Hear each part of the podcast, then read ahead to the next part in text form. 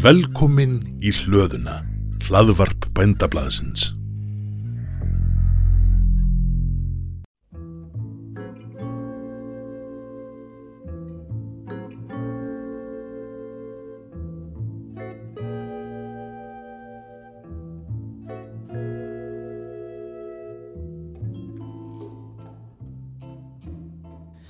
Þetta er þátturinn afstafa. Ég heiti Guðrún Hulda. Hér er til umræðu afstafa stjórnmálaflokkana til hérna ímsu málefna er snerta landbúnað í aðdraðanda alþingiskostninga sem fara fram næstkomandi lögadag 25. september. Legg ég fyrir fulltróðana sömu spurningar og hér ræði ég við fulltróða miðflokksins. Já, ég heiti Erna Bjarnadóttir og ég skipa annað sætið á lista miðflokksins í Suður kjördami fyrir komandi þingkostningar 25. september. Hver eru tengslín, Erna, við landbúnað? Já, það er skemmtilega spurning. Ég er náttúrulega bara fætt og upp alinn í sveit á stakkamur á Snæfisnesi og ég bara man ekki eftir mér öðruvísi eða fyrstu minningan er allavega bara frá því að liggja í jötunni hjá kindunum og, og klappa hestunum. Og ég er náttúrulega bara ólst uppið það að vinna við landbúnað og vann öll sumur þegar ég var komin í framhaldsskóla heima á stakkamri og fer síðan og, og hérna í bandaskólan og hólum. Og var búfræðingur þaðan 1983 og þaðan fór ég í búistendarnámaðu kvanneri og síðan hef ég bara samfelt unnið einhvers konar störf sem tengjast landbúnaði. Ég vann hjá, fór til Breitlands og tók master í landbúnaðahagfræði og þaðan fór ég að vinna hjá búnaðsamtökum Vesturlands og hagþjónustur landbúnaðarins og síðan til framleiðslur ás landbúnaðarins 1997 þannig að ég er eiginlega bara unnið við landbúnað alltaf. Það sé bara þannig. Sko, markmið bænda og ríkis virðast vera skýr að standa vörð um afkom bænda og að tryggja sem hafkomast verð fyrir neytendur. Eru þið sammúlað þessum markmiðum og hvernig sér þið fyrir þér að unni sér að þeim og ná meiri árangriði en verið hefur? Við erum fyrstulega algjörlega sammálað þessum markmiðum og við stöndum heilsugar að baki í íslensku landbúnaði. Það er auðvitað ímislegt sem þarf að taka á. Uh, sérstaklega vil ég nú nefna það að, að tollvend og milliríkja samningar að þar sé sagt, staði við það sem skrifað er í þessum samningum og það þarf að reyndar að stoppa svona í tollvendina hér og þar. Tollar og kjöti voru til dæmis lækkaðir, gagvart erbúrsamtunum 40% 2007 og þetta er núna komið það umgað að hún svona varðla heldur lengur. Nú aðgangsheimildir í formi tollfrása kvóta fyrir erbúrsamöndiðin og íslenska markað eru hlutfarslega markvaldar á við það sem að íslenski bændur hafi ná markaði Európa-samansins. Þetta tel ég að þurfi allt að taka til endur skoðunar. Nú síðan er þetta fjöldamarkt sem þarf að líta á gagvart landbúnaðum hér innanlands. Það eru mjög áhugaverð verkefni í gangi hjá bændarsamtökunum til dæmis, varandi í lofslagsmál og, og bindingu kólefnis. Það, það eru tækifæri fyrir íslenska bændur sem að stjórnmálinn og, og alltingi þurfa að stýðið við. Nú síðan þarf að hérna, kynna auðvitað gæði íslenskar landbúnaðar að taka á í innköpastefnu hins og ofnbæra að fái, íslensku landbúnaðar fái réttar áherslur þar og þannig mætti áfram telja. Hvaða leiðir sér þú til að bæta afkomubænda? Sko, það þarf með einhverjum ráðum að auka tekjur margra bænda.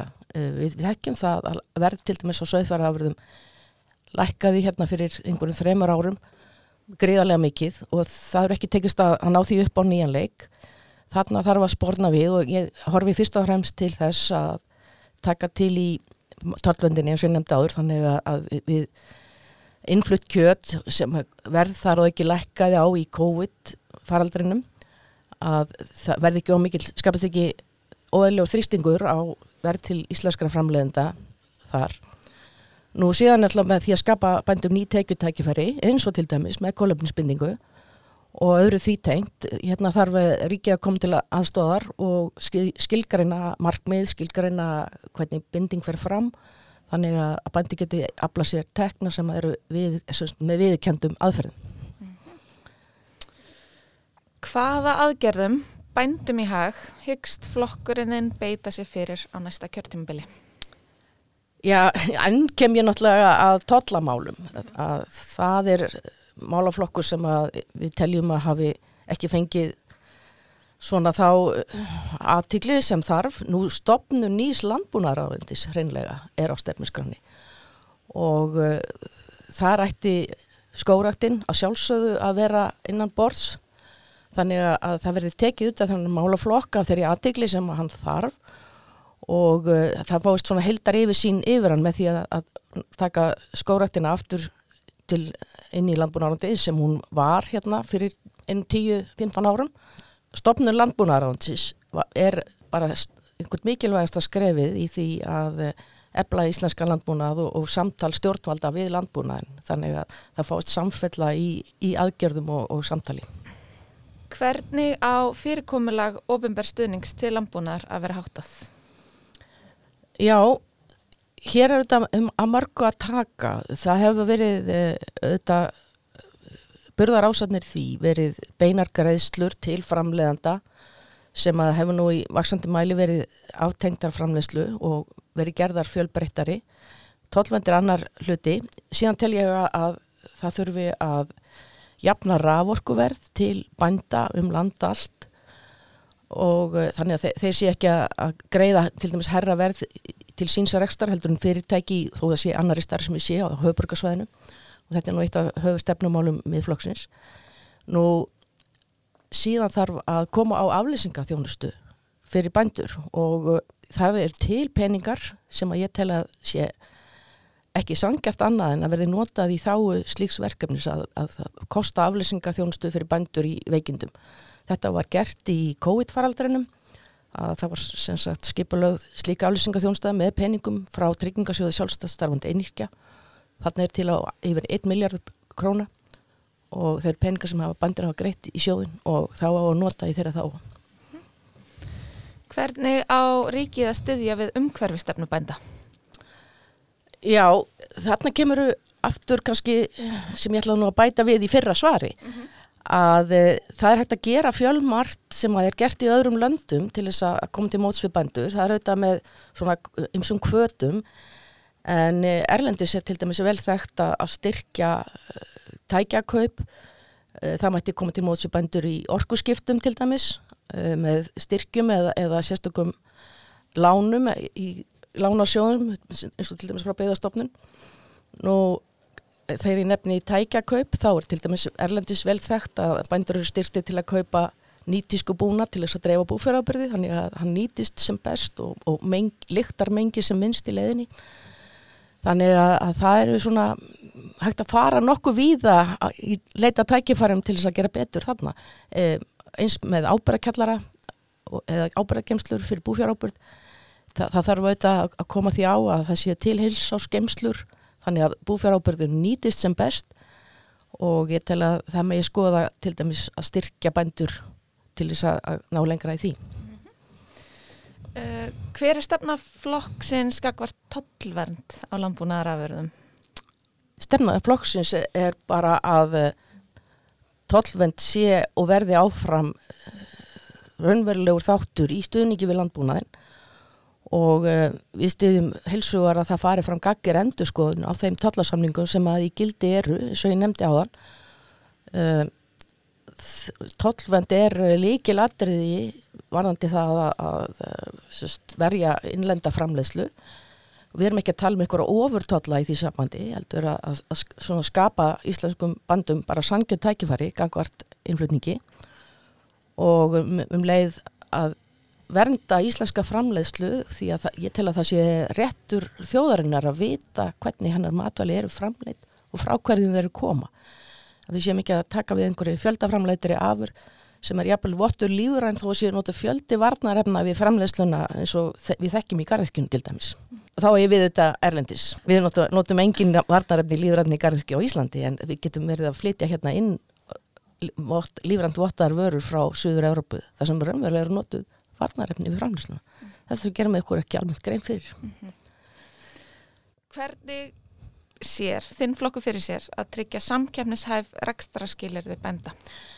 Já, það er kannski eins og ég nefndi á þann að við viljum þetta bara jafna rekstraskilirði fyrirtækja um landa allt og til dæmis í formi þess að- smærri fyrirtæki á landsbyðinni njóti læ, læra tryggingagjalds að einhverju leiti uh, og jöfnun aðfangavers eh, og, og bættar samgöngur, þetta er allt hluti sem að skipta máli fyrir bændur og uh, síðan náttúrulega bara að styrkja kerfi landbúnaðarins sé fallið til þess að stiðja við samkemsefnians.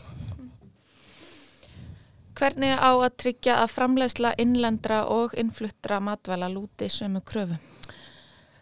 Já, þetta er nú stór spurning.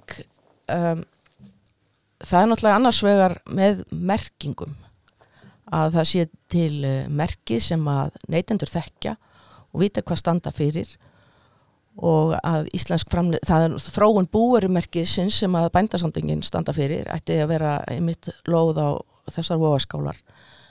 Um, svo í síðan þarf þetta bara fræða neytendur um mismun á þeim vörum sem að eru á markanum og við höfum líka verið ófeimin að, að segja frá því. Og til dæmis ég held að eitt best varðveita lendamál íslensk landbúnaðar er að kjúklingaframlýsla er algjörlega frí við öll lif í, Íslandi. Og sem er kannski bara þekkist ekki í öðrum kjötgræn hvorki á Íslandi en ég víðast annars þar þannig að þetta þurfum við bara að vera óhrætt við að segja frá og, og fræða neytindur um Áttu eitthvað upp á alls lag? Creep með Radiohead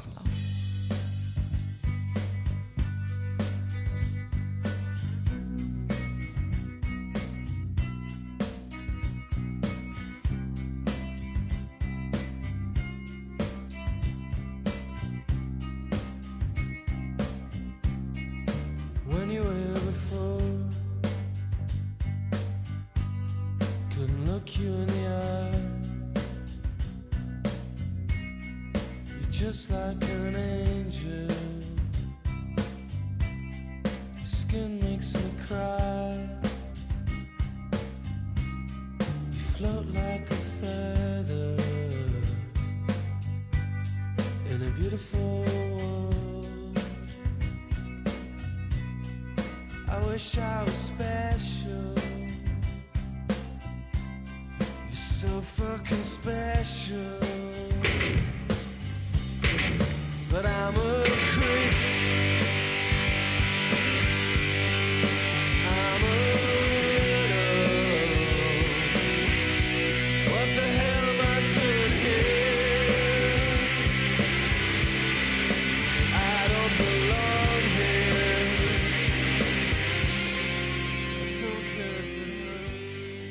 Nú kostar það 55 miljardar að framlega þessi 210.000 tonn af búvöðurum með við síðast ár. Þar aflagði ríkið 13 miljardar króna í beinastöðning. Mm. Ef bændum er falið að setja eitthvað hlutvall af þeim styrkjum sem þeir fá í dag til að ná árangri umhverfismálum, hvernig sér þið fyrir þér að þessi kostnæður verði dekkaður? Já, ég, ég sé það þannig fyrir mér að, að hérna væri sko um að, þannig aðgerða að ræða að þó bændur fengju stuðning við að, að breyta framleysluháttum að þá myndi það hérna koma tilbaka síðar. Hvernig? í loftslagsvætni og umhverfisvætni landbúnaði sem að mögulega til dæmis lækkaði vöruverð frá þeim e- ef að það til dæmis væri teknur upp kvatar sem að eða gjöld á vörur sem að eru ekki jafn umhverfisvænar. Það getur verið ein, ein leiðin nú eða þá að- að bændur geti hérna sínt fram á kólefni sjöfnun og bætt hann í samkeppni stöðu sína það væri annur leið og, og fengið þannig ykkur markasforskott Mm Já, nú sér það frekar heldur en eitthvað svona stuðningur. Já, ég, ég geti séð fyrir mér sko stuðning við ákveðnar einskiptis aðgerðir. Til dæmis stuðningu sem ég var að nefna áðan við það að kaupa hérna, búfjárábúræðareifara sem að menga minna heldur en hérna, þau tækja sem þeir nota fyrir. Eins líka stuðning við það að stekka ábúræðagenslur. Því það myndi ge- gefa á eftir my- myndi leiða til þess að bændur en reynilega þurfa að kaupa minna tilbúnum ábyrðu og skilja sér þannig sem tekjur og angurt þá lækka vöruverð eða skila sér sem í auknum tekjum til bænda og getur það bara lækka stuðning til þeirra á móti eftir, af, sest, sem kemur eftir öðru liðin. Okay. Þannig að þetta, þetta á að gefa tekjur með einum eða öðrum hætti í framhaldinu. Uh, hvaða áherslur mun flokkurinn beita sér fyrir við mótun landbúnaðastefnu? Já, það er náttúrulega bara ebling innlendrar framleiðslu í krafti hreinleika nú umhverfis vætt landbúnaður að stöðla sagt, að, að þáttöku landbúnaðarins í kólefnisjöfnun og því að eh, hérna, umhverfisvitund og, og að hann sé umhverfisvætn á, á nútíma mælikvarða. Ég held að það sé svona leiðarljósin. Um, hvernig vill þinn flokkur tryggja búsetu á landsbyðinni? Telur þú að afkoma í landbúnaði hafi áhrif á búsetuna? Ég tel tvímælust að afkomi í landbúnaði hafi áhrif á búsetuna og ég svona horfi svona með nokkurum ugg til það stundum þegar að ég fer um landið og, og sé bú svona sem eru komin á þessi svona í svona jaðar byggðir í dag hvað tekur við þegar að landbúnaður eh, svona kannski lætur undan þar. Til að landbúnaði sé gríðarlega mikilvægur fyrir búsætt í landinu. Hann er skapar auðvitað afleitt störf. Og síðan er hann alltaf bara mikilvæg mynda mikilvæg hluti á ásýnd landsins skakvart ferðamönnum.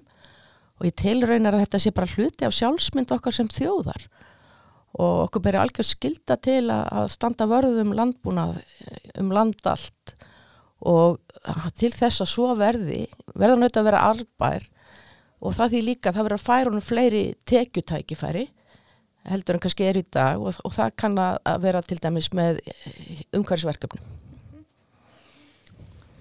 Hver á stefna ríkisins að vera með búsetu á ríkisjörðum? Ég held að ég auðvitað að bjóða ríkisjörði til ábúðar en ég held að það sé ekki rétt að stefnan að þessi krafist að þar fari fram hefbundin landbúnaða framleysla. Heldur verði bara ábúendur þá að finna þau tækifæri sem að henda viðkomandi jörð.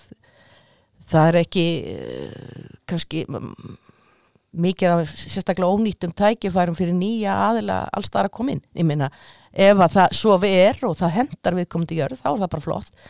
En fyrst og fremst bara bjóða jarðirnar til ábúður og, og, og þá bara ábúðandinni finna þau tækifæri sem hendar að vinna að í hverju, hverju sinni. Hvernig sér þau fyrir að auka nýliðin í landbúnaði? Já, þetta er nú stórmál. Þar þarf að, til dæmis að koma til að með einhverjum hætti sé auðveldað að færa jarðir á milli kynnslóða.